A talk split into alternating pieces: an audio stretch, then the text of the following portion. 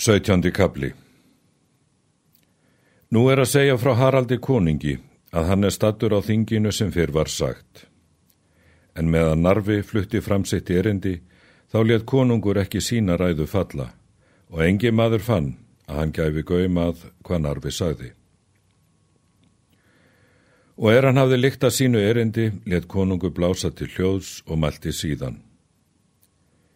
Hver var maður þessi oss ókunnur er stóð fyrir oss sem hríð í blán kubli og svarðreip mikið um sig og spjóti í hendi, eða hvaðan er hann?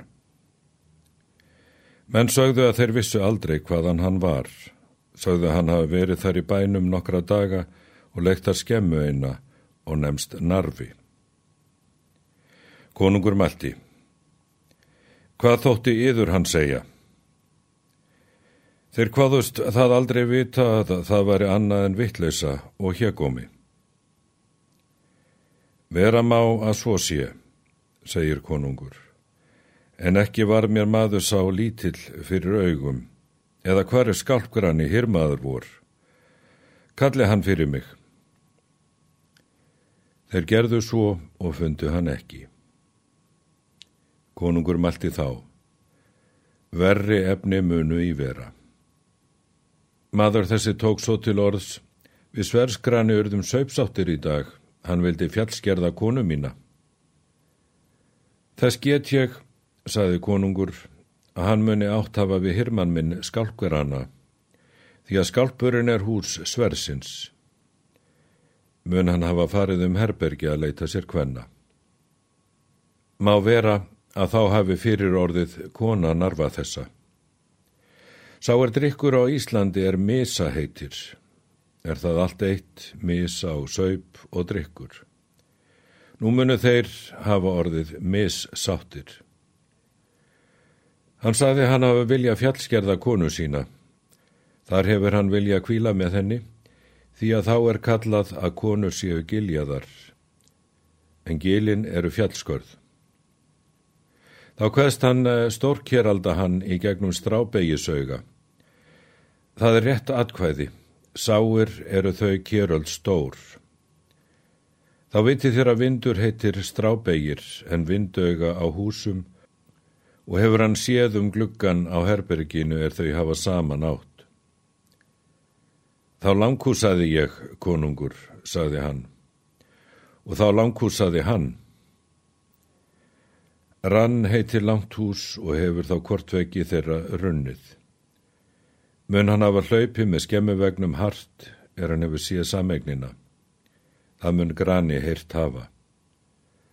Má vera þá hafi hann staðar látið nema aðtöpt þá er hann hafði. Mun hann þá hafa forðar sér. Þá reyður ballaði ég hann, hvað hann. Þá mun hann hafa eggjað hann að býða, því að egg er reyðurböllur. En hann markrossaði við en stóð hross heita og eru mörg saman jafnan. Mun hann þá hafa staðar numið. Þá hverst hann fagurrögva hann, en hann skipskeggjaði við. Skikkjur eru þar á Íslandi er feldir heita, er það ímiskallað á feldinu röggur eða lagður. Nú mun hann hafa vikið svo til málinu að kalla lagð.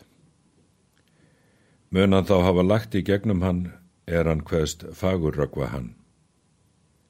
En hann skipskeggjaði við. Barð heitir á skipi.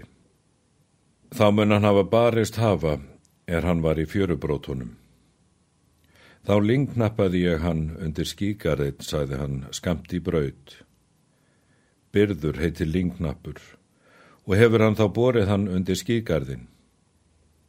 Þá hverst hann hafa voðvirt yfir hann síðan er það málsáttur á Íslandi að konur lúka vef.